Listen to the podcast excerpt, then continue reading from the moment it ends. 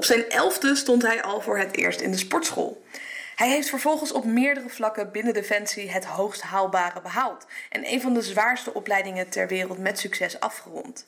Ik heb het over Jack Little. Hij is zowel fysiek als mentaal topfit en zal er altijd naar streven om zich te blijven ontwikkelen op elk vlak. Hij werkt vanuit het motto Leading by Example. Jack heeft een aantal lifehacks voor je. Hij heeft namelijk wel vijf uur diepe slaap per nacht. En ik was natuurlijk heel erg benieuwd naar zijn geheim hierachter. En deze gaat hij ook met je delen in deze podcast. De gemiddelde mens heeft maar anderhalf uur diepe slaap per nacht. Hij geeft super concrete tips dus over hoe jij meer diepe slaap kan krijgen. En Jack draait niet op motivatie, maar hij heeft een hele andere brandstof. Uiteraard vertelt hij je vandaag hoe jij ervoor kan zorgen dat jij ook op deze brandstof gaat draaien, zodat jij veel langer gas kan blijven geven. Dus kortom, luister snel naar deze podcast. Ik ben er super excited over en uh, laten we gewoon gaan beginnen. Nou, tof. Zitten we dan eindelijk. Ja. ja, voor de mensen die de podcast luisteren, we hebben net al getraind. We zijn alweer de sauna in geweest. En het is pas uh, kwart voor twaalf. Ja. En uh, we hebben al bijna de hele dag erop zitten zo. Inderdaad, ja. ja. En voor de mensen die jou niet kennen, zou je iets meer over jezelf willen vertellen? Uh, ja, natuurlijk. nou, ik ben Jack Little. Mijn achtergrond is dat ik na mijn middelbare school ben ik de, de mariniersopleiding gaan doen. Marinier geworden, officier de mariniers. En toen dacht ik, hey, is er nog iets, iets next level of nog zwaarders wat ik kan doen? Nou, ik kreeg toen destijds de kans om de Engelse commandoopleiding te doen. Dus die, uh, die heb ik toen ook gedaan. Ging eigenlijk heel goed. ik kwam als in de top 5 uit de opleiding. toen dacht ik, nou, is er nog wat next level? Wat kan ik nu nog doen? Nou, toen hoorde ik, had ik toevallig een Discovery aflevering gezien over de Engelse Mountain Leader opleiding. Die stond bekend als een van de zwaarste ter wereld. Ik dacht, nou, dat lijkt me wel wat. Dus uh, aangemeld uh, en ervoor getraind. Sneller dan gedacht kon ik de selectie al doen. Een lang verhaal, kort verhaal, naar de opleiding gegaan en, uh, en gehaald. En als kerst op de taart eigenlijk de Special Forces opleiding gedaan. En de Special Forces ingerold. En uh, toevallig laatst zei iemand het heel mooi. Uh, ja, jij hebt gewoon stiekem even vier van de zwaarste militaire opleidingen ter wereld gedaan. Ja, ik zei, ja, het ook even in een paar zinnen alsof het bijna geen moeite kost. Ja, ja. En toen je als jongetje op die middelbare school zat en je maakte de keuze om naar Defensie te gaan, had je dat ooit voor mogelijk uh, gezien? niet direct. Wel komt het vanuit mijn gezinssituatie. Mijn vader was oud-marinier. En ik had twee ooms die, die waren ook oud-marinier. Um, dus ja, op elke verjaardag hoorde ik mooie verhalen over het Corps Mariniers en uh, hoe stoer en gaaf het wel niet was. Um, en ik deed toen gymnasium. En ik had eigenlijk uh, een sterke voorkeur naar uh, economie en bedrijfseconomie. En mijn, mijn stip op de horizon was toen dat ik bedrijfseconomie op de Erasmus Universiteit Ik wou zeggen, ik heb ook gymnasium gedaan en ik had ook een droom om bij Defensie te gaan. Maar dan is de, de, Defensie, de opleiding, is wat lager aangeschreven dan dat je inderdaad aan een universiteit gaat studeren. Ja. Uh, wat maakte bij jou toch dat je die keuze maakte? Nou, voor mij was het heel sterk dat ik goed gesteund werd vanuit uh, mijn ouders. Ja. En natuurlijk uh, de grotere familie met mijn ooms erbij. En daarbij dat ze zeiden van oké, okay, je kan een officier der mariniers worden. En dat is dan op dat wetenschappelijke niveau. in die zin dat je ook nog kan doorstuderen binnen het Corps Mariniers. Dus Precies. het was Niet, niet zoals sommige mensen, oh dat is vergooid, uh, want je, hebt, uh, je, je, doet dingen op veel te laag niveau misschien, als je werk uitvoerend uh, kijkt. Maar goed, de uitdagingen waren op officiersniveau, waar ik me voor aanmeldde. En dat lag dus wel op dat bachelor-master niveau. dus dat was voor mij de doorslag. Dat ik dacht, nou, dan ga ik dat doen. Dan heb ik sport, avontuur, uh, gave dingen, uh, buitenland. Mentale uitdaging. mentale uitdaging en, uh, en ook een goed studieniveau, wat me prima nog verder kan helpen. Ja, want was er steun vanuit je omgeving of had je ook weerstand? Ook wel, nou ja, weerstand was er wel een beetje. Ik zie het tegenwoordig ook wel zo en toen al een beetje van de, de, de groep van mensen waar je mee omgaat, hè, dat, dat stimuleert je of dat remt je af. Nou, mijn ouders steunden mij in de keuze, dus dat was natuurlijk 100 punten. mijn vrienden vonden het wel cool. Maar ik had ook wel een paar vrienden die zeiden, ah, dat is verdomme lui of je vergooit je kansen.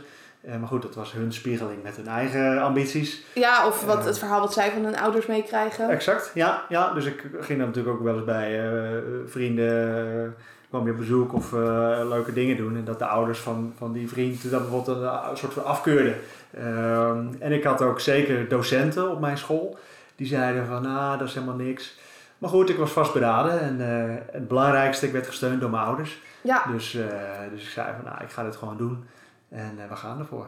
Ja. ja. dus die steun vanuit je omgeving is super belangrijk als je een doel hebt en, en je wil vastberaden blijven. Ja, ja. Voor mij was dat echt een hele grote stimulans. Al, dat, dat is natuurlijk speculeren of joh, hoe zit dat nou? Maar als mijn ouders hadden gezegd van joh, dat is niks, dan geloof ik ook wel dat ik een andere keuze had gemaakt. Uh, want die, de, de, de, ambitie kwam ergens ook wel natuurlijk bij mijn vader vandaan. Van uh, zijn achtergrond en dat ik die verhalen hoorde van hem. Dus dat versterkte elkaar heel erg. En welke verhalen spraken jou dan aan? Nou, dat was dus uh, de, de, wat ik net al zei, die verhalen op die verjaardagen. Van afzien in de sport, bergmarsen door Schotland en Noorwegen, schietoefeningen en trainingen. En ja, echt stoere mannenverhalen zou ik maar zeggen. Ja. Uh, en wat gewoon ja, heel gaaf was om dat te horen. En, uh, en, en, echt de, de, de hele persoonlijke eh, band die nou, ja, mijn vader en mijn ooms onderling hadden. Met, met hoe ze als groep ook dingen deden en, en elkaar nog steeds zagen, ook jaren na dienst nog steeds. Uh, dus ja, zo'n community en zo'n hechte groep van mensen, dat sprak me natuurlijk ook aan. Dat ik dacht, oké, okay, nou, als ik daar dan bij kan horen, dat, dat vind ik wel ja, heel gaaf, heel leuk. Ja, en klopte jouw verwachting ook met de realiteit? In het begin niet helemaal, omdat uh, ik was uh, gevoed met verhalen over gelijk maximaal rammen en gaan afzien. en uh, afzien. En ik stapte in, in de opleiding die jou daarop klaarmaakt, zeg maar. Dus in het begin ging alles voor mij eigenlijk veel te traag. Je was te getraind? ik was misschien wel te getraind en mentaal was ik al helemaal toe aan die actie. Uh, terwijl ik uh, aan de officiersopleiding begon. En toen destijds was het zo dat in dat eerste jaar ging je eerst nog een heel jaar studeren. En tijdens dat studeren waren er sportlessen die jou dan daarop voorbereiden. Op de echte praktische opleiding, waarin uh, het jaar waarin het gebeurt, zeg maar. Met de tactische training en de camouflagepakken aan en gevechtsdrills oefenen en dat soort dingen. Maar dat had ik al verwacht in het eerste jaar al veel meer. Het was er wel, maar het was in een opbouw, heel schools en het ging heel rustig aan. En de groep met mensen waarin ik toen was, ja, iedereen was een starter. En iedereen had de keuringseisen gehaald natuurlijk. Iedereen was uh, klaar uh, met, met de ingangseisen. Uh, maar niet iedereen, nou ja, laat ik zo zeggen, was misschien wel zo bevlogen als ik was. Mm -hmm. Oké, okay, kom maar op dan. Ja. Gaan we 50 kilometer marsen. hup, al in. Nu, mijn tas staat al klaar. En hun zeiden, ho ho, even rustig aan, want ik wil vanavond nog tennissen.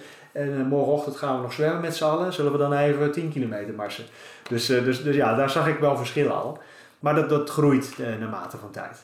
je moet ook net... En ik denk ook naarmate van niveau, als jij elke keer een niveau omhoog gaat binnen Defensie, dat de mensen in de opleiding meer gelijkgestemd zijn. Ja, absoluut. Ja, want dit was echt de eerste opleiding die ik dan deed, toen voor de mariniersopleiding. En, en dan is iedereen ook nieuw in het hele verhaal. Dus iedereen moet wennen aan de cultuur, aan de regels, aan uh, hoe ga je om met elkaar, uh, wat zijn de afspraken, hoe laat gaan we met z'n allen op bed. Want je sliep op een hele grote slaapzaal in het begin met 80 man. Dus je moet s'avonds even afspraken maken. Hoe laat gaan we met z'n allen naar bed? Kan je ook met z'n allen gaan discussiëren erover? Of? Ja, nou ja, op een gegeven moment was gewoon de regel, ook vanuit het instituut. Van joh, om 10 uur is het licht uit, stilte op zaal. En dan, dan deed je gewoon stil en dat mensen konden slapen, zeg maar. Maar goed, aan de andere kant, ik was met een groepje fanatieke zwemmers toen ook. En wij stonden s ochtends om tien voor zes op en dan gingen we zwemmen. Of we dan ook even rustig aan wilden doen voor de mensen die natuurlijk uh, wat langer wilden slapen. En, en, en dat hele spel van, van regels en gedragingen en waarden, normen en waarden, uh, dat, dat, dat, dat moest in het eerste jaar voor iedereen nog geleerd worden. En naarmate ik verder kwam, zat je gewoon met een, een groep mensen die allemaal echt dat doel voor ogen hadden. Van oké, okay, ik ben al militair, ik, ik, heb al iets gehaald en nu wil ik next level en dit is echt serieus. Ja, want als ik het niet haal, ja, dan, dan heb ik dat carrièrepad niet, zeg maar. Dus daar merkte ik dat men veel serieuzer erin stond en veel harder op die eisen uh, aan het trainen was ook al. Ja, precies. En nou, je vertelt het eigenlijk alsof je er gewoon lekker doorheen gefietst bent. Heb je dat gevoel ook? Of? Ja, als ik, als ik terugkijk, uh, had ik dat gevoel ook echt. Ja. ja dus uh, ik voelde me altijd wel er klaar voor en de trainingen die we deden. En de trainingen waren ook echt wel afzien, maar ik zag het altijd als deze training moet ik gewoon nu afronden vandaag en halen. En, en elke keer was het daar keihard op hameren. Dus ik keek niet, niet te ver vooruit, want dat veranderde toch telkens nee, de planning. training voor training. Echt training voor training. En elke training gaf ik alles. En ik had toen helemaal nog niet zoveel kennis over sporten en trainen als dat ik nu eh, tegenwoordig heb. Dus ik vertrouwde er ook 100% op dat wat ik kreeg van de instructeurs, dat dat oké was. Dus uh, een soort van vertrouwen van oké, deze training, deze bokstraining of deze hardlooptraining of deze krachttraining, kan ik alles geven en dan zal er daarna vast wel tijd zijn voor herstel. Want soms wist je niet eens hoe een dag eruit uh, uitzag. En, en dat, ja, dat is altijd een soort sfeer van vertrouwen geweest dat die rust ook wel kwam. Ja, ja gewoon doen wat nodig is, wat zij zeggen en daar zelf niet over nadenken en daarin al ingaan. Ja. En uh, dat leverde in ieder geval de goede resultaten op. Ja, leverde goede resultaten op en het was ook vol te houden op termijn ja, dus dat, eh, dat was voor mij ook wel uh, belangrijk. Op een gegeven moment ergens een klein beetje wel een beetje in de slaaptekort gekomen. Van, oh, nou doe ik ja, want alles. je zei inderdaad van 10 uur naar bed, 10 voor 6 ging je al op om te trainen. Als ik ja. een sommetje maak, zit je niet aan de 8 uur. Nee. Waar merkte je bijvoorbeeld aan dat je slaaptekort had? Nou, eind van de week dan, uh, dan crashten we ook wel in de trein. We gingen, uh, was dan altijd met de trein, gingen we naar huis. En dan voer je gewoon als een blok in slaap en dan was je gewoon helemaal afgewerkt. En in het weekend moest je echt bijdenken. Ja. Dus, dus in, de in de loop van de week bouwde je wel slaaptekort op. Met name in, in, in dat eerste jaar, want iedereen was van alles te uitproberen. Dus alles was leuk. En dan ja, deed je gewoon in het begin veel te veel. Ja, dus, uh, over je grenzen eigenlijk. Echt over de grenzen. En, en, en de grens van de een is uh, ver voorbij jouw grens. Maar ergens als je in zo'n groep bent, zo heb ik dat ervaren, dan uh, rekte aan alle kanten mijn grenzen op. Tuurlijk. Dus uh, de een bleef langer op, oh dan blijf ik ook wat langer op. De ander staat eerder op, oh dan ga ik ook eerder opstaan. En op een gegeven moment doe je jezelf tekort. Dus op een gegeven moment merkte ik het, wow, nou elk weekend moet ik eigenlijk zo bijkomen. Dat ik dacht, ja, maar nu gaat het mijn productiviteit en effectiviteit in de weg zitten. Dus nu even iets rustiger aan. En echt, uh, ik kreeg ook de tip op een gegeven moment van doe wat je moet doen. En dat was een tip van uh, mijn Marine 5 kampcoach destijds. Uh, zei, doe wat je moet doen en dan weet je zeker dat je goed zit. Nou, toen wat dingetjes eruit geschrapt. En ja, toen was het gewoon op de automatische piloot zou ik haast zeggen. Maar er was ook een hele leuke sfeer, alles ging goed. En ik had alles uh, ja, voor, mijn, voor mijn gevoel in één lijn uh, staan. Dan hoef je ook niet het hele weekend weer bij te komen. Nee, ook dat niet. Dan heb je ook weer veel meer tijd, denk ik. Ja, uh, ja. ja. dus de weekenden openen zich weer voor, voor mogelijkheden en, en, en, dingen om te doen. Ja. ja. en toen op een gegeven moment toch de keuze gemaakt om te stoppen bij Defensie. Ja. waarom? Ja, waarom in hemelsnaam? ja, had ik uiteindelijk alles gehaald en, en, en, dan, en dan ben je daar. Ja, dat, dat zijn eigenlijk wel meerdere factoren. Laat ik zo zeggen, het is eigenlijk een hele hand vol. Eén was, uh, ik was erg geïnteresseerd in de studierichting uh, strategisch loopbaanmanagement. En ik kwam vanuit de Special Forces vandaan en toen vroegen ze me om uh, loopbaanbegeleider te worden van 300 officieren der mariniers. ik dacht, ja, daar heb ik helemaal niet voor geleerd. Hoe, hoe kun je mij daar nou voor vragen? Maar uiteindelijk bleek die functie, er sta je heel erg in contact met alle officieren en dat je echt weet van, van, van elk individu wat voor achtergrond ze hebben wat voor skills en vaardigheden ze hebben, ook als, uh, als mens, hoe ze zijn uh, en hoe ze goed in een, uh, in een opleiding of training of missie een ei kwijt kunnen. En om ze dan vervolgens ja, een loopbaan te bieden. Nou, ze hadden al wel door dat ik daar wel een goede persoon voor was, omdat ik heel erg met de mensen altijd dingen deed. En veel kennis had denk ik van Defensie en de mogelijkheden. Ja, ja en veel kennis met mijn opleidingsachtergrond al. Uh, dus toen ben ik dat gaan doen en toen ben ik uh, gaan kijken van hé, hey, wat heb ik op deze functie uh, allemaal nodig qua kennis en vaardigheden. En toen ben ik eigenlijk opnieuw gaan, gaan bijstuderen, zou ik maar zeggen, wat modules gevolgd. En uiteindelijk mijn MBA gehaald in strategisch loopbaanmanagement. even erbij, alles, alles deed ik even erbij. Maar dat prikkelde wel weer mijn, ja, mijn ambitie om door te leren, verder te leren. Dus na die functie kon ik uh, ja, een soort van kiezen van of weer terug de Special Forces in, of nog door in waar ik nou net al die diploma's voor gehaald had. En voor mij viel het samen met de geboorte van onze tweede kleine. Uh, dus de gezinssituatie speelde daar voor mij heel erg uh, in mee. Ja. En dat ik zei, nou goed, die stap weer terug kan ik altijd nog maken. Dan maak ik liever dit spoor nu af van studeren en leren. Dus toen ben ik uh, eigenlijk het militair onderwijs uh, ingedoken om mijn kennis en ervaring te delen over militaire uitzending en training en opleiding. Uh, met name het militaire planningsproces. En ja, lang verhaal, kort verhaal. Dat vond ik echt heel leuk om te doen. Mijn papieren gehaald om universitair docent te zijn. Professor ben je dan? Ja, dus helemaal daarin ook weer eigenlijk next level opgezocht. En toen stond ik eigenlijk op het kantelpunt van, van ja, wat, wat ga ik hierna dan weer doen? En in de tussentijd uh, had ik daarnaast ook nog uh, een bedrijf opgezet. Uh, puur uit passie en plezier, omdat ik het leuk vind om ook mensen te trainen en vooruit te helpen. Dus ik had een bedrijf opgezet, defensiefit.nl. Um, en dat was ook in de loop der jaren gaan groeien. Ehm, en op een gegeven moment was het eigenlijk zo hard gaan groeien dat dat qua inkomen hetzelfde inkomen had bereikt als dat ik fulltime bij Defensie eh, werkte. En in het bedrijf eh, werkte ik toen vier uurtjes per week. Ik dacht, ja. Ja. en mijn carrièrekansen waren goed. Ik, ik had mooie voornemens. Ik, ik wilde eigenlijk toen vanuit die studiedrift wilde ik nog verder doorleren, een PhD eh, halen. Maar dat paste niet echt in mijn loopbaanpad om dan zeg maar specialist te worden in mijn operationele loopbaan. Eh, dus ik moest keuzes maken ook vanuit de militaire development sector.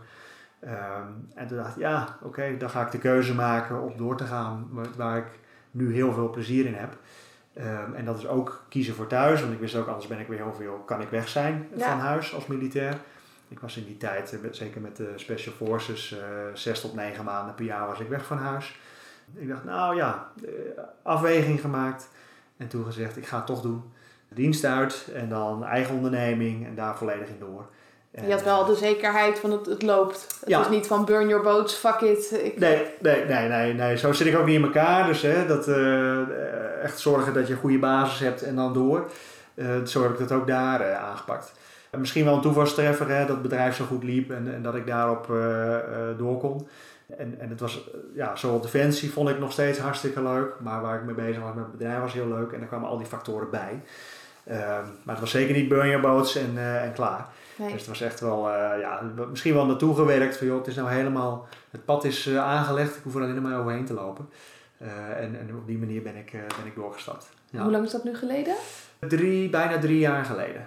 Ja, en Ja. hoe is het ondernemersavontuur toen verder gegaan? Nou, dat was wel weer even een rollercoaster. Omdat ik in het begin best nog wel in mijn hoofd had zitten van oké, ik ben, ik ben ja, eh, elite militair, ik heb de eh, vier zwaarste opleidingen ter wereld gedaan, ik heb al die vaardigheden, al die skills. En ik zeg wel eens voor de grap van, ik kan heel hard rennen, ik kan heel goed schieten, ik kan heel lang wakker blijven. Oké, wat voor baan kan ik dan doen? Oh, ja. Eh, ja, shit, ja, dan kom je een beetje uit. hè, dat is natuurlijk militaristisch werk. Maar ik dacht, nee, wacht even. De onderliggende laag is, ik heb allerlei vaardigheden. Van discipline, doorzetten, eh, plannetjes maken. Hoe kom ik bij mijn doel? En telkens dat next level opzoeken. Ehm, dus op een gegeven moment eh, dat beetgepakt als structuur. En toen gaan verdiepen in ondernemerschap. Ja, en op een gegeven moment was gewoon het ondernemerschap was gewoon mijn baan. Dus eh, ik zat toen in, in de leer en de coaching bij de IMU.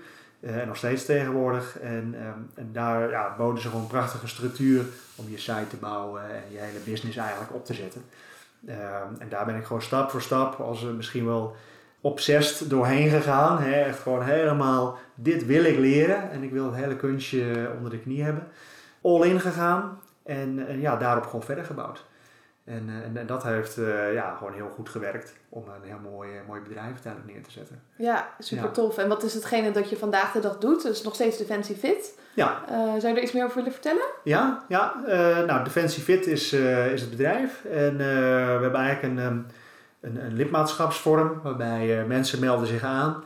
En dan doen we eerst een intake test, die kunnen ze thuis doen in hun eigen omgeving, allemaal oefeningen met eigen lichaamsgewicht. eh, om te kijken hoe fit ze nu zijn. Om dan vervolgens, eh, als ze die resultaten naar mij opsturen van die test, dan maken we een, persoonlijk trainingsschema voor ze, waarmee ze dan doelgericht kunnen trainen. Om voor hun doen, voor hun niveau, op de keuringseis terecht te komen. Zodat zij precies doen wat ze moeten doen om eh, volledig die keuring te halen. En dat is dan stap 1, zeg ik altijd. Want de keuringseisen zijn de keuringseisen. Dat is, dat is een set van, van eisen. En dan daarna is het heel specifiek trainen voor de opleiding zelf. Dan ga je Ja. wat meer lange afstanden lopen en met een rugzak wat, wat verder lopen en dat soort dingen. Eh, maar er zit verschil tussen. Ehm, en dat is eigenlijk eh, de basis van het, van het bedrijf, eh, zeg maar. Ja, je hebt ook een aantal boeken geschreven. Ja, in de tussentijd ook. Ja, op, eh, hoeveelste boek heb je nu uitgebracht? het derde boek is begin dit jaar uitgekomen. Ja, en je, vorige keer dat we elkaar spraken, zei je, nou, die, die, schrijf ik eventjes in drie weken. Dat, dat, Ja. dat schud ik zo... Ja, ja nee, dat, is, dat is vrij bizar hoe dat, hoe dat gaat eigenlijk. Ik had, het eerste boek had ik geschreven. En hoe dat dan bij mij gaat, is eh, dan schuif ik alles aan de kant. En dan is het alleen maar boek, boek, boek, boek, boek. Van 's ochtends tot 's avonds. Zit het dan ook Eh, al in je hoofd, de structuur, hoe het eruit moet zien? Eh, ja, 100 procent. Ja. Ja. En, eh, en dan heb ik het, daar zeg ik altijd weer, dan gebruik ik mijn skills vanuit het verleden, vanuit eh universitair docent, dat ik ook scripties en papers moest beoordelen. Oké, dan zet ik eerst in mijn hoofd heel die structuur helemaal weg. Ja. Zo wil ik het boek hebben en visualiseer ik al hoe ziet hij eruit als hij klaar is. Dat herken ik heel erg. Dan hoef je het alleen maar Eh, uit te voeren. Ja, dat hoef je alleen maar uit te voeren. En vervolgens deel ik de hoofdstukken in en dan schrijf ik de hoofdstukken. Dus boek 1, aanvalsplan, heb ik in twee weken geschreven. Toen dacht ik, eh, toen kreeg Hoeveel uur zitten er dan in? Ben je dan echt van 's ochtends tot 's avonds aan het schrijven? Of? Nou, het echte schrijven is, is nog niet eens, dat is, dat is uiteindelijk, ik ga zitten. En zoals ik het schrijf, is ook meteen het eindproduct. Ja. Dus daarna hoef ik eigenlijk te niks lezen. meer te, eh, zeg maar, aan te passen of eh, te veranderen. Ehm, en tussendoor ga ik de hond uitlaten of ik ga even iets, iets doen. En in mijn hoofd loop ik heel het verhaal dan al door. En dan ga ik zitten schrijven, het is klaar. Zeg ik zo, volgende hoofdstuk. Ja, Ehm, en bij mij werkt dat zo. En, en lukt dat ook zo. Omdat ik eigenlijk ook schrijf zoals ik praat en zoals ik het zeg. Dat, dat is voor mij één op één. En toen, toen kreeg ik vanuit de coaching ook horen, goh ja, eh, twee weken. En als grapje van, nou ja, goed, eh, twee weken, jeetje, zo lang. Dus ik dacht, oké, game on. Dus eh, toen, kort daarna het tweede boek, Beast Mode, die heb ik toen in één week geschreven. Ja, dus was echt eh, maandagmorgen klapte ik mijn laptop open. Oké, er komt nou een tweede boek. En ik had een beetje, het is niet vals spelen zoals ik tegen mezelf zei, maar ik had het voorwerk was al gedaan. ja, Want ik had het eerste boek geschreven en ik had nog heel veel aantekeningen liggen. Van, oh, dit zijn nog leuke verhalen en dit heb ik nog niet kunnen vertellen. Ehm, dus die pakte ik, die stapel. En vervolgens ben ik weer gaan nadenken. Oké, wat is de indeling en hoe ga ik het boek schrijven? En toen heb ik in één week tijd het tweede boek eh, geschreven. Eh, Het derde boek wilde ik toen kort daarna ook lanceren, eh, uitbrengen. Maar goed, daar had ik toen wel heel veel weerstand in, omdat, eh, of ja, hoe zeg je dat? Eh, te- tegenslagen om het te schrijven. Eh, want ik, moest, eh, ik wilde daar een, een instructieboek van maken met allemaal foto's en eh, uitleg bij die foto's. Maar mijn computer ging stuk en mijn Word ging, eh deed niet meer. Microsoft Office, Murphy's Law ging overal van toepassing. En thuis gebeurde van alles en we moesten nog iets verbouwen en ik was van alles kwijt. En er was allemaal, allemaal excuses uiteindelijk. Ik dacht, oh mijn hemel, wat is dit? Dus ik op een gegeven moment op de lange baan geschoven. Ik zeg, ik ga het niet nu schrijven, want het lukt gewoon echt niet. Want ja, als ik ga zitten wil ik gewoon boek, boek, boek. ja, gewoon in één Ehm, keer kunnen rammen. In één keer doorrammen en, en aan alle kanten ging het, eh, ging het tegen. Dus ik dacht, dit is gewoon het moment niet. Ik had het boek in de pre-order al eh, gezet destijds. Ik had het al verkocht, al eh, vele tientallen exemplaren. Dus ik schaamde me rot. Maar daar ik de mensen gecontact. Ik zeg, joh, dit is aan de hand, de situatie. En ik kreeg, kreeg gelukkig de bericht terug van de mensen. Oké, eh, nou, eh, kan gebeuren. En eh, die andere twee boeken vonden we super leuk om te lezen. En ja, hier wachten we op. Dus, dus ja, wanneer het komt, komt het. En super fijn dat je het ook laat weten. Dus, dus dat vond ik ook heel fijn als bevestiging. En vervolgens in het nieuwe jaar gewoon op een gegeven moment gezegd: Oké, dit is het moment. Foto's gemaakt. En in, uiteindelijk echt de editing in drie weken tijd.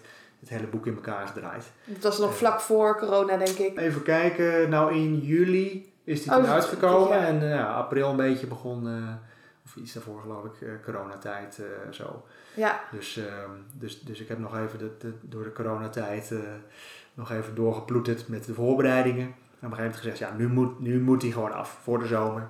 Mensen waren ook al zo lang op aan het wachten. En nu moest hij af. Ja, dus, eh, dus drie boeken uiteindelijk. Ja, de ideeën zijn er zeker alweer voor een vierde boek. Maar eh, eerst ga ik echt eh, lekker nog, nog wat, wat leuke verhalen verzamelen. En, en nog wat meer uitschrijven. Maar die komt er zeker nog wel. We gaan zo verder met het interview, maar eerst wil ik even iets belangrijks vertellen. Of eigenlijk wil ik je ergens voor uitnodigen. Ik ga namelijk in oktober twee keer een middagevent organiseren over topsportmentaliteit. Ik en meerdere topsporters gaan spreken over verschillende onderwerpen, zoals leiderschap, voeding, training, doorzettingsvermogen, motivatie, discipline, gewoontes en nog veel meer. We gaan je echt vertellen hoe jij een topsportmentaliteit kan krijgen. En ook de sprekers zijn van topniveau, zodat je alleen gaat leren van de aller, allerbeste op dit gebied. Op die manier ga jij presteren op de toppen van je kunnen en het maximale uit jezelf halen. Na het event heb jij de juiste kennis en ervaring om aan de slag te gaan, inclusief contact met gelijkgestemden. Want alleen ben je misschien wel sneller, maar samen kom je veel verder. Maar dit event is niet voor iedereen. Het is exclusief. Het event is alleen voor mensen die weten dat er meer uit het leven te halen valt dan ze nu doen. Mensen die de juiste tools missen op het gebied van mindset en wel een boost kunnen gebruiken. Die snappen dat mindset de basis is van je dromen en je doelen en bereid zijn om tijd en energie hierin te investeren. Ik wil er echt alleen zijn met de mensen die er echt willen zijn. En wil jij er echt bij zijn? Stuur me dan even een mailtje uh, naar info.isabelleveteris.nl of stuur me een DM via Instagram en ik vertel je er dan wat meer over. En wie weet ontmoeten we elkaar niet alleen online, maar straks ook offline. Ja. ja. Ja, en de vorige keer, dat was de eerste keer dat ik jou zag. Toen kwam je hier trainen. Ja. En ik vond het verhaal wat je vertelde toen ook wel heel mooi. Dat was toen uh, midden in de corona-periode. Ja. Zou je daar iets meer over willen vertellen? Uh, ja, dat kan wel, zeker. En dat, dat is voor mij ook een heel uh, intens verhaal. Want zo, had ik, zo kende ik mijzelf nog niet. Eigenlijk vanuit de, ja, de cyclus zoals het bedrijf is gelopen met groei. En op een gegeven moment ben je alles aan het optimaliseren en het gaat goed. Op een gegeven moment had ik alles precies zoals ik het wilde. Ik had eigenlijk mijn, doel bereikt, om het zo te zeggen. En dat was een beetje eind vorig jaar. En op de, op de ene manier raakte ik ook een beetje verveeld. Dat ik dacht, ja, wat is nou next level en wat, wat nu dan? En op de een of andere manier kreeg ik wat minder zin om te trainen. Voor mezelf dan, uh, ook qua doelen. de doelen die ik toen had om te trainen waren ook doelen die ik in mijn bedrijf dan liet doorfilteren, zeg maar. Dus de, de mensen waren aan het trainen met schema's. En ik deed soortgelijke workouts. En, en ja, op een gegeven moment dacht ik, ja, die workouts die zijn voor mij op een gegeven moment te makkelijk. Uh, Dus, dus het is niet, niet zwaar genoeg meer. En, en als, er, als ik één ding ergens ook plezier aan beleef, dan moet er bij mij wel de druk op zitten dat het wat uitdagend ja, mag zijn. Dat uh, eh, lijden. Ja, misschien wel een beetje lijden, maar dat ik ook het gevoel heb van ja, dit brengt me weer vooruit. Dus er zit vooruitgang in. Dus, dus op een gegeven moment was ik ook echt gewoon gestopt met, met trainen. Ik trainde toen heel zwaar. Alles was uh, op max training gericht, uh, heel zwaar. En, en dat was heel erg ver ook van, van mijn eigen trainingsbasis en visie af gaan staan. Want ik was altijd heel erg van trainen met eigen lichaamsgewicht en duurvermogen. Um, en op een gegeven moment had ik een moment, ik liep thuis uh, de trap op. Ik was gewoon aan het hijgen als ik boven kwam. Ik dacht, ja, dit ben ik gewoon niet. Dit, dit kan gewoon niet. Ook in combinatie nog met, met heel veel afleiding. Uh, mijn zoon die speelde wat spelletjes op de computer. En uh, voordat ik het wist, zat ik zelf uh, als een maniak uh, te Die gamen. discipline heb je gewoon daarop ingezet. Ja. en misschien ook daarom weer next level te gaan. Want er was een of ander online spel en dan kon je ook levels halen en dan kon je ook weer allerlei progressies boeken. Zo hebben ze dat ook heel slim ingestoken, hè? dat je allemaal dingen kan winnen en dat het super haalbaar is. Ja, ja, in het begin alles super haalbaar en toen werd dat ook wat minder haalbaar. En dan was het ook een top elite en dan kon je dan ook bij instromen. Uh, en dat sprak me natuurlijk aan, dat vond ik leuk. En, en eerlijk is eerlijk, bij het bedrijf liep alles uh, ja, netjes op de rit.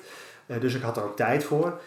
en er is zelfs een fase geweest, op een gegeven moment was ik gewoon bijna 12 tot 18 uur aan het gamen per dag. Ja, het slaat ergens op als ik dat terugdenk. Maar het kon en, en ik vond het leuk. Tot het moment dat ik dacht, ja, een soort van, van zelfbezinning. Van ja, dit kan gewoon niet meer. Was dat toen je die trap opliep en dacht, shit, ja, ik, ja, dit ben ik niet dat was wel heel doordringend zo'n moment. Van, uh, want ik bleef ook wat later op s'avonds. Want het was uh, internationaal. Dus ik moest ook langer opblijven om dan ergens bij te kunnen aansluiten. Uh, als ik mezelf hoor vertellen, denk ik ook, oh man, daar ben je al bezig geweest. Maar, maar goed, ik, ik zat er middenin toen. En ehm, ja, op een gegeven moment, dat kwam samen. En ergens was het ook de aanloop dat drie jaar daarvoor was mijn vader overleden. Dus een beetje dat, dat verhaal kwam ook weer bij me boven. Dat ik dacht, ik had ook mijn vader ook mooi trots willen maken. Dat ik die militaire opleidingen uh, haalde en dat ik daarin doorging. Um, en ik dacht, ja, niet helemaal precies zo. Maar ik had ergens de gedachte van, stel maar hij zou mij nu zien. Dat zou hem niet trots maken. Nee. De, en dan zou ik niet trots op mezelf zijn. Van waar ik nou mee bezig ben. Dus, uh, dus, dus er moet even wat gebeuren en de, en de knop gaat, uh, gaat om. En toen? Um, en toen? Ging die knop ook in één keer om? Uh, ik, ik, heb één wandeling op een gegeven moment gehad met de hond buiten. Dat, dat al die dingen samenkwamen. Uh, en toen dacht ik, ja, nu gaat het knop. Gewoon dat, pas boem. Uh, van, ik dacht, ja, de afgelopen maanden heb ik heel veel plezier gehad. Maar breng, brengt het me verder? Nee. anders blijf ik op het niveau als ik nu zit. als ik zo doorga, als ik over een jaar iemand tegenkom en zegt... Hey, zo, nog steeds doe je precies hetzelfde. En ja, dan heb ik het gevoel alsof ik dus echt heb stilgestaan. Nou, daar heb ik echt wel aversie tegen, tegen echt stilstaan, letterlijk ook. En ook wel figuurlijk. Uh, van ja, die, die vooruitgang die, eh, die wil ik wel, uh, wel hebben en houden. Dus toen dacht ik, nee, dit, dit, dit gaat anders. En toen heb ik voor mezelf bedacht, oké, in de afgelopen jaren heb ik elke keer die next level stap gemaakt. Toen heb ik een rijtje gemaakt en toen kwam ik erachter dat elke drie jaar maakte ik een significant grote stap. met echt een hele nieuwe koers. Dat ik echt iets nieuws kon, nieuwe skills. Nieuwe totaal, uitdaging. Nieuwe uitdaging, nieuw level. Ehm, en dit was precies weer drie jaar later. Dus dat was heel toevallig ook weer. Ik dacht, ja, en dus ga ik nu aan de slag. Dit is precies dat moment. En dus voor mij viel alles zo samen. en toen heb ik gezegd als doel van over 18 maanden, dus de helft van drie jaar, wil ik een totaal nieuwe versie van mezelf zijn. Met allemaal dingen die ik nu nog niet kan. En toen had ik ineens uh, Game On. Ja, dan heb je uitdaging. dan heb je van let's go. Ja, uh... dus uh, ja, dat was voor mij, voor mij werkt dat gewoon perfect. Eh, want dan ga ik de uitdaging met mezelf aan. En, en ik ben een tijdje, ook zeker binnen het bedrijf en met, met, met hoe ik mijn bedrijf heb gebouwd, ook vergelijken met anderen en kijken hoe doen anderen dat dan en daarin groeien. Maar ik was een beetje dus die challenge met mezelf kwijtgeraakt. En toen dacht ik, nou, nu is die challenge met mezelf gewoon weer game on. Ja. Ehm, en dan op, eh, op meerdere vlakken, dus zowel lichamelijk, zowel met trainen als met voeding. Van, uh, ik, ga, ik wil gewoon alles doen nu zoals ik denk dat ik dat perfect zou kunnen doen, wat, wat echt goed voor je is. Uh, ook mentaal, dus met een vorm van meditatie. Zelf het, het woord vind ik nog steeds verschrikkelijk eigenlijk, meditatie, maar voor mij is altijd een soort van visualisatie en nadenken over waar wil ik naartoe en wat voor stapjes uh, ga ik dan maken. En aan de andere kant uh, memoires maken, dus echt journaling. echt opschrijven voor mezelf, waar sta ik voor, wat vind ik belangrijk. En dan combineren met waar ga ik naartoe. Plus de balansvariant, dus de mensen die ja, echt mij dierbaar zijn, daar ook echt voor zijn. Uh, tijd voor vrijmaken. Dus uh, voor mijn vrouw, met mijn kinderen, uh, mensen om me heen met wie ik veel plezier heb en energie van krijg. En dan, dat zijn de eerste drie takken van sport, waar ik heel veel ja, power en energie van krijg als ik dat allemaal op 100% heb staan. en om dan zeg maar naar de productie in het bedrijf te duiken, om in mijn eigen bedrijf ja, ook alles te kunnen geven. Dus op al die vlakken ga je al in. Op al die vlakken geef je 100%. Exact. Ja. En ik ben exact hetzelfde. Alleen vaak hoor ik mensen zeggen: ja, ik kan niet al die ballen hoog houden.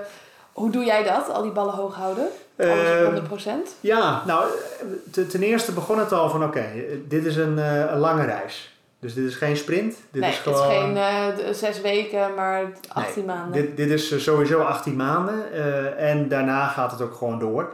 Maar voor 18 maanden is nu uh, ja, de target weggezet. En het was, dat is een impossible game, dus daar ben ik nog niet.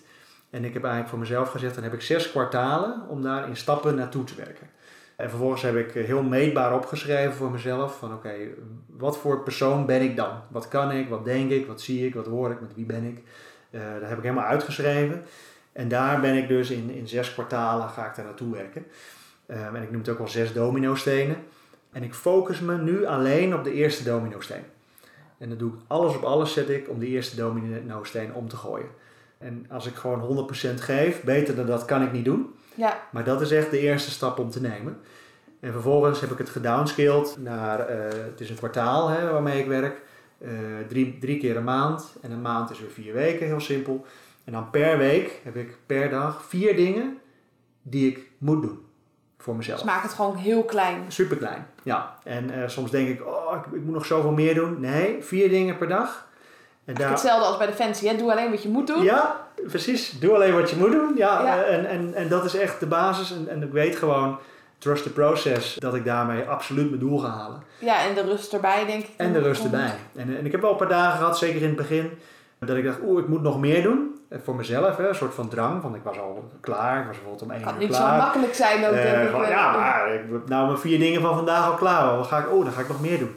Maar toen merkte ik van, nou, dan begint de overwhelm.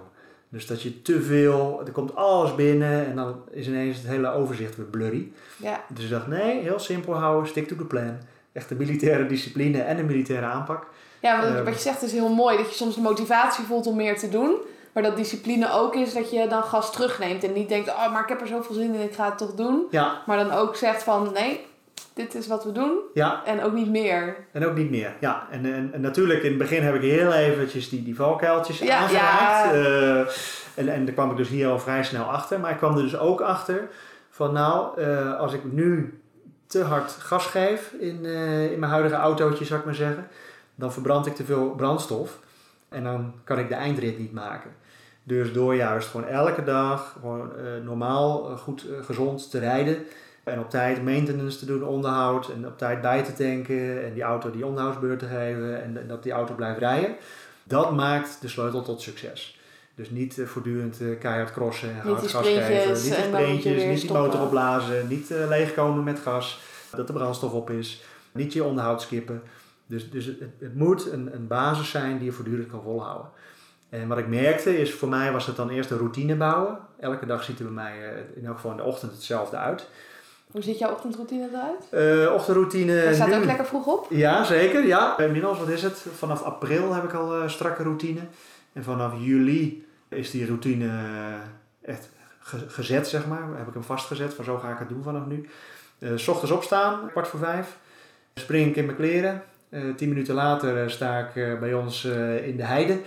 Uh, dan ga ik uh, uur tot twee uur uh, lopen, hardlopen, wandelen. Ik noem het JAR, jog and run. Mm -hmm. Waarbij ik geen uitdaging heb, maar gewoon lekker ja, naar mijn lichaam kan luisteren. En, en ik, ik, raak, ik, zal nooit overbelast raken, want het is gewoon joggen en runnen en wandelen en lekker bezig zijn. Kom ik terug, dan heb ik eigenlijk mijn, mijn sport erop zitten. Even een rondje met de hond lopen. Dan drink ik s ochtends altijd maak een groene smoothie. Men zegt dat het gezond is. Nou ja, uh, we doen het maar. laten we maar doen. Nee, we hebben ook zelf uh, wel gekeken van hey, wat, wat is nou het meest gezond voor mij om energie van te krijgen. Want ik wil energie hebben en ik wil ja, kunnen presteren. Ja. Uh, en welke voeding helpt me daarbij? En zo heb ik ernaar gekeken. En nou, ik heb het ook getest en geprobeerd, met, ook met allerlei andere dingen.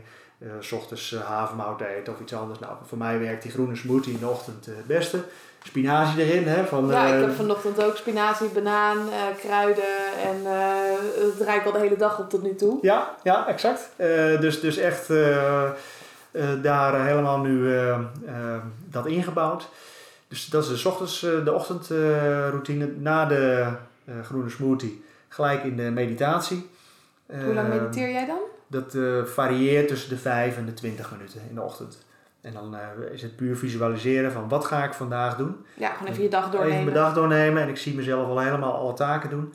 Dus het gat is al gegraven, alleen het zand hoeft er nog maar uit. Ja, dus hoef je ook niet op motivatie te draaien. Je hebt gewoon bedacht, ik ga dit doen. Ja, en dan is de kwestie van de video op play drukken. Op play drukken en de film speelt zich af en, uh, en dan is mijn dag klaar.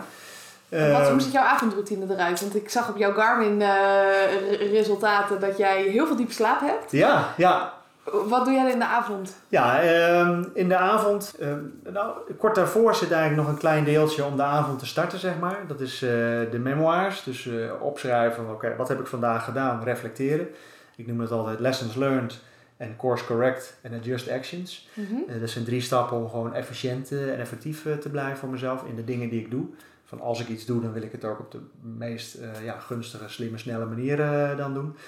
Op die manier eh, evalueer ik mijn dag die ik doorlopen heb en neem ik de dag van de volgende dag door. Dus ik weet al precies hoe mijn dag van de volgende dag eruit gaat zien. Dan volgens de avondroutine is eigenlijk een, een avondmeditatie, zeg ik maar, waarin ik eh, echt doorneem hoe nogmaals eh, die dag van de volgende dag eruit ziet. Um, en ik heb dan nog wat ademhalingsoefeningen die ik dan doe, waardoor ik eigenlijk, nou ja, ik, ik ben nog aan het laatste dingetje aan het noteren. Ja, je bent aan het spelen ermee. Ja, ik ben aan het eh, spelen ermee. Hoe ik de, de, de meeste diepe slaap kan krijgen uh, mogelijk.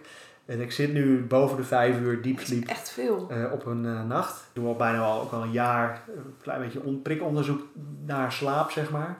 Omdat ja, in je slaap maak je groeihormoon aan en herstel je. Dus hoe beter... En heb je, supercompensatie, je groeit. Precies, ja. Dus ook zeker qua fysiek gezien, maar ook mentaal gezien merk ik gewoon van als ik uitgerust wakker word, dan ben ik veel meer helder en clear. Dan kan ik beter nadenken.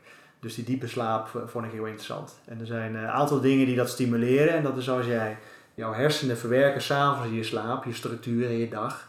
En alle inzichten, die geven ze een plek in jouw herinneringen. Um, en kort daarvoor, voordat ik ga slapen, leg ik eigenlijk alles op tafel al klaar in mijn hoofd. Zodat als ik ga slapen, dat dat, dat brein alleen maar de balletjes het doel in hoeft te schoppen. Ja, dat je niet in je slaap die, die dingen moet gaan plaatsen. Nee, dat hele proces nog door moet. Uh, dus dat is één ding. Uh, en dat doe je door die meditatie, door even de dag door te nemen, door alvast de dag erna te plannen. Ja, en dan is het enige waar ik aan denk is, is dan dat. En dat zijn vier dingen. Nou, kan ik gelukkig onthouden, vier dingen.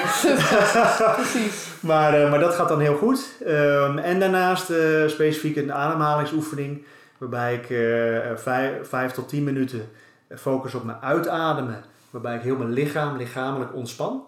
Alsof ik door het bed zak. Hè, dat, dat ja, jezelf zwaar maken. Ja, jezelf zwaar maken. En daarna 5 tot 10 minuten focus op het inademen. Dat ik mezelf zo licht mogelijk voel. alsof ik opstijg bij het bed. Nou, die maak ik nooit af, want dan ben ik al in slaap gevallen, zeg maar tegen het eind. En, en door met die ademhalingsoefening in slaap te vallen, merk ik dat ik samen met die andere factoren ja, gewoon een hele diepe slaap bereik.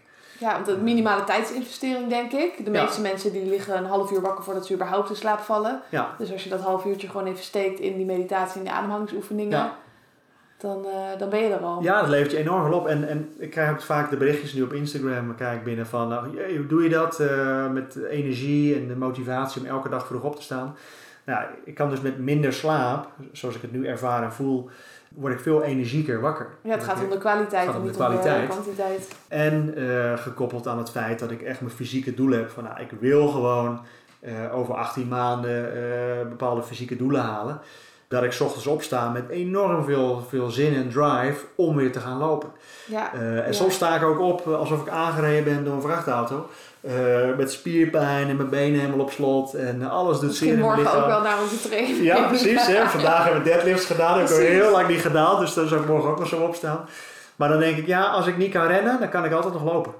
Maar dat is denk ik ook heel leuk van die, die trainingsmanier die je hebt. Want als ik daarover nadenk voor mezelf, denk ik, oh ja, dan, dan al ren je een minuut. Dan ja. kan je weer lopen en dan ren je weer een minuut. Terwijl als ik mezelf zie en ik zou twee uur lang moeten rennen, dan denkt mijn reptiele brein al, oh nee, dat gaan we niet doen. Ja, ja, ja. Dus, en, en dat, een hele leuke insteek. Dat, een hele fijne insteek. En uh, bijvoorbeeld, nou ja, eerlijk is eerlijk, vier maanden geleden kon ik bijvoorbeeld niet uh, twee uur lang achter elkaar non-stop hardlopen op een bepaald tempo.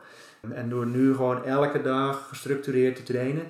Um, en elke woensdag doe ik dan een intervaltraining, echt op snelheid. En die stop ik dan precies op de 30 minuten. En dan vergelijk ik mijn resultaten met de week ervoor. En het doel is elke keer net wat metertjes meer maken. Ja. En zo heb ik een soort wedstrijd met mezelf om echt uh, mezelf uh, vooruit te driven. Ja, dat, dat werkt gewoon echt top. Dus, dus, dus daar ga ik heel goed op. Ja. ja, echt het vergelijken met jezelf alleen, focus op jezelf en zorgen dat je elke week, nou als het maar een procent, ja. dat je beter wordt. Ja, ja. ja. jij noemt het nou een procent. Ik had, uh, af, gisteren was het woensdag, had ik mijn training gelopen. En de, die week ervoor liep ik een bepaalde snelheid. En ik had, deze week liep ik één seconde sneller dan de week ervoor. Nou, ik dacht, dit is winnen.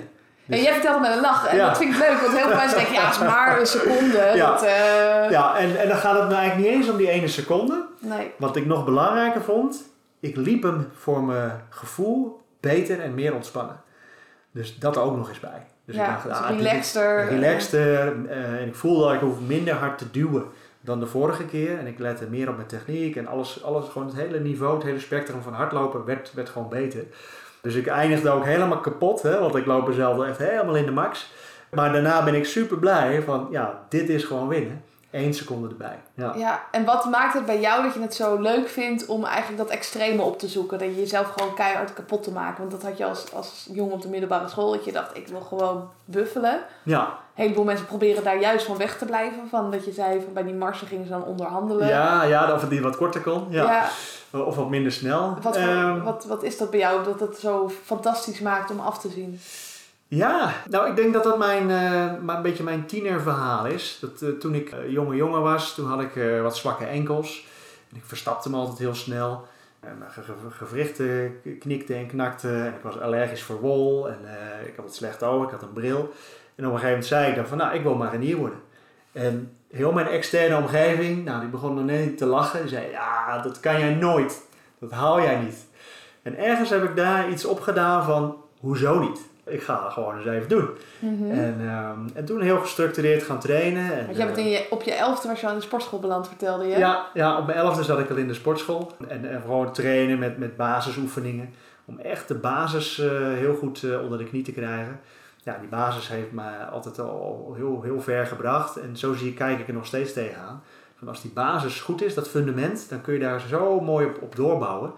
En, en ja, als dat verhaal dan zo samenkomt, ik had dan die basis en elke keer ging ik dan kijken van kan ik gewoon die hele meetland, niet op één onderdeel, maar in zijn geheel, de boel opschuiven naar boven. Dus ja, gewoon je hele standaard verhogen. De hele standaard verhogen. En, eh, en dat is dat ik, het, dat ik dat spel heel leuk vond. En dat maakt dat ik dus eh, voor mezelf ook heel extreem daarin kan zijn om echt te duwen en de kaart voor te gaan, all in. Om dus die lat te verhogen. Uh, en, dat, en dat is voor mij een heel spel waar ik heel veel plezier uit beleef. Ja, je weet ook wat het oplevert, denk ik. Omdat je het al lang zo doet. Dat je weet, als ik al inga, dan heb ik ook heel veel resultaat. Ja, ja dus dat resultaat is ernaar. En natuurlijk, er zijn altijd momenten dat ik iets, iets niet haal wat ik voor ogen had. Maar dan denk ik, oké, nou, de volgende keer. Dus, dus ik, ik, zag het ook niet als een teleurstelling. Uh, dus ik had op een gegeven moment een hele reeks van... Ik was alleen maar aan het winnen, elke training. Ja, dus het was ja, dat altijd, een super gevoel. Dat is zo uh, ongelooflijk. En elke training was gewoon een feestje. Uh, nog voordat ik begon dacht ik, ja, wat zal ik vandaag eens even gaan doen? Ja, en je weet al oh. dat je het beter gaat doen. Ja, want vorige keer deed ik dit. Met, met zoveel setjes bijvoorbeeld. zoveel kilo. Oefening, zoveel kilo. Nou, en, en dan lukte het niet om die kilo's te evenaren. deed ik gewoon een setje extra. En dan was het al winnen. Ja. Want dan had ik toch meer gedaan dan de vorige keer. En dat lijkt heel onbenullig, maar als je dat zo in een jaar doet. En ook als je zo stilstaat, denk ik, bij de wind zoals jij het doet. Hè? De meeste mensen die, die, die gaan er overheen. Die denken, ah, wat maakt het nou uit? Maar ze denken, holy shit, een seconde of oh, een extra set. Of vijf minuten eerder opgestaan. Ik ben hier gewoon keihard aan het winnen. Ja. Dan uh, ga je ook lekker door. Dan ga je lekker door, ja. En, um, en, en, de belang, en ik kreeg ook te vaak de vraag van, over de motivatie dan. Van, ja, wat, wat, wat bezielt je dan om zo vroeg op te staan? En nou, ik zeg dat zijn dan doelen. Zeg maar, stap 1 was voor mij dan die routine, dat ik weet hoe ziet mijn dag eruit. Stap 2 was om er echt een gewoonte van te maken. Dus dat het een, dagelijks, wekelijks, gewoon repeterend uh, geheel is. Komt gewoon elke dag terug, elke dag hetzelfde. Uh, dat geeft voor mij rust, geeft de omgeving rust. Iedereen weet van joh, dan uh, kunnen we Jack niet storen, want dan is hij met zijn autobanden op de hei aan lopen, achter zich aan aan het slepen of aan het hardlopen, wat dan ook. Dus dat geeft ja, voor, mij rust, de omgeving rust. En op een gegeven moment is het zo'n automatisme. In het begin is het dan een soort van geforceerd die routine. Daarna is het ja, een soort power krijgen van die, die habit, die gewoonte. En op een gegeven moment ja, noem ik het altijd een positieve verslaving. Dat ik opsta en echt denk van ja, ik moet dit doen, want dit past bij mijn doel en ik vind het zo gaaf om te doen. Ik heb hier gewoon heel veel zin in. Uh, dus, dus vanuit verlangen en vanuit uh, die drive uh, blijf ik gewoon bezig. Ja, dus motivatie is helemaal niet jouw brandstof. Nee, absoluut niet. Dus die, die is niet eens nodig, want ik, denk niet, ik sta niet eens bij stil. Ik denk niet over, nou, het gaat gewoon gebeuren. Um, en, en, en daarvan weet ik, dat is ook mijn ja, verhalen en de gebeurtenissen vanuit het verleden, daar ga ik heel goed op. Als ik ook weet van, oké, dit is mijn doel, ik doe het voor mezelf en ik weet dat ik daar naartoe wil, dan, uh, dan gaan we ervoor en dan zullen we het halen ook. Ja, dan denk je niet na van ga ik dit nou wel doen of niet. Als je dat elke keer moet bedenken als die wekker gaat, dan uh, ja, nee, dan, uh, heb je al verloren. Dan heb je al verloren. Ja, ja ik had één keer uh, s ochtends een moment dat ik even dacht, kwart voor vijf, van ja, ga ik nou opstaan? Maar ik was klaar wakker, want het was al, was al routine. Hè? Dus, ja, precies, je hele lichaam maar, en, ik, en ik barstte van de spierpijn en ik dacht, oh shit, ga ik nou echt ga ik weer lopen joh.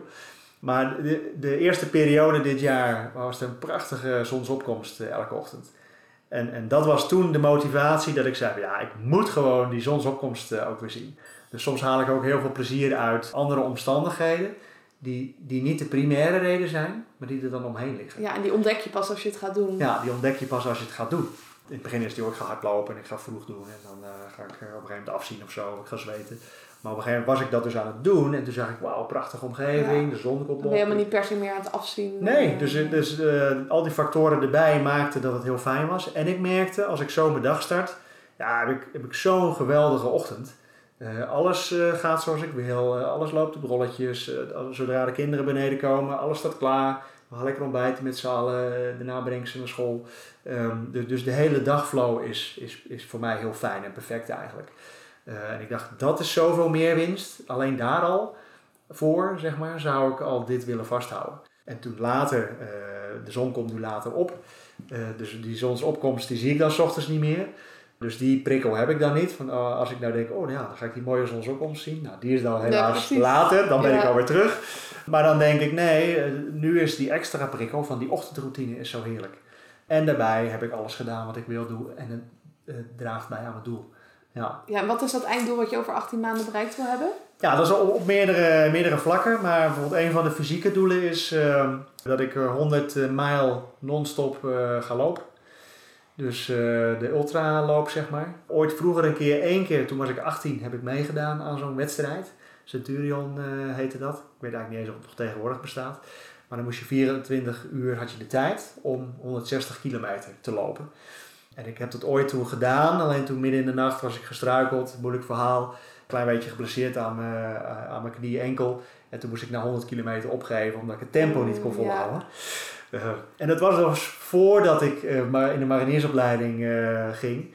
En die is me stiekem altijd al bijgebleven. Dus ik had nou zoiets van, ja, wacht even, dat lopen vind ik fijn en ik weet dat ik het gewoon kan. Dus ik pak gewoon nou dat als doel en, uh, en ik ga ervoor. En, en, dat zijn hele persoonlijke doelen natuurlijk. De andere is, uh, uh, nou, drie jaar geleden is mijn vader overleden. Dat was al mijn grote voorbeeld. vroeger veel getraind samen en we deden altijd van lange afstand wandelingen. En dat was een grote man en die had vroeger in zijn goede jaren biceps van 50 centimeter. Uh, dat maakt dacht, indruk. Ja, dat maakt indruk. En, voor mij als militair is dat nooit functioneel geweest. Ik heb eigenlijk nooit schouders en biceps getraind, omdat het voor, ja, had voor mijn werk had dat gewoon geen nut. Uh, en nu ben ik ja, eigenlijk daaruit gegroeid in de zin van, ja, ik, ik hoef niet die eisen meer te halen. Uh, en heb ik eigenlijk voor het eerst gezegd van, joh, ik vind dat een leuk doel voor mezelf om dat te bereiken. Hoeveel zit je nu? Uh, ik zit nu op 43, 44. Dus ja, er moet echt nog wat bij. Het is echt onderscheidend en ik heb geen idee hoe snel het groeit. Uh, we gaan het zien, denk ik. Maar één ding is zeker. aansluiten bij het traininggroepje. Dus ja. ja, dan kunnen we samen een challenge maken. Ik denk wel naar de 40. Kijk. mijn max was zo'n 39. Ja. Maar ik denk ook wel uh, als vrouw, als je 40 centimeter arm hebt, dat... dat is impressive. Toch? Ja. ja. dus, dus, dus ja, dat vind ik zelf een leuk persoonlijk doel. Ja. En, en gewoon ervoor gaan. En dan ook een onder... Dus ook, ook, dat prikkelt me ook altijd wel een soort ontdekkingsreis. Ja. Als pionier. ik heb geen idee hoe die dingen groeien. Natuurlijk wel basisverstand ervan. En ja, maar niet op hè, hoe snel gaat het bij jou. Nee, ehm.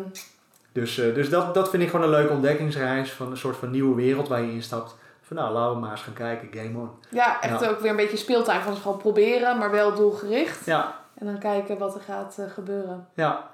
Ja. Dus, uh, dus ja, dus zo, zo zijn we lekker bezig, ja. Tof, ja. nou, laten we dan gewoon over 18 maanden weer een podcast samen opnemen. En Juist. kijken waar je dan staat. Ja, ja. Met, uh, met mijn certificaat in mijn handen van de 100 Engelse mijl. Ja. Precies.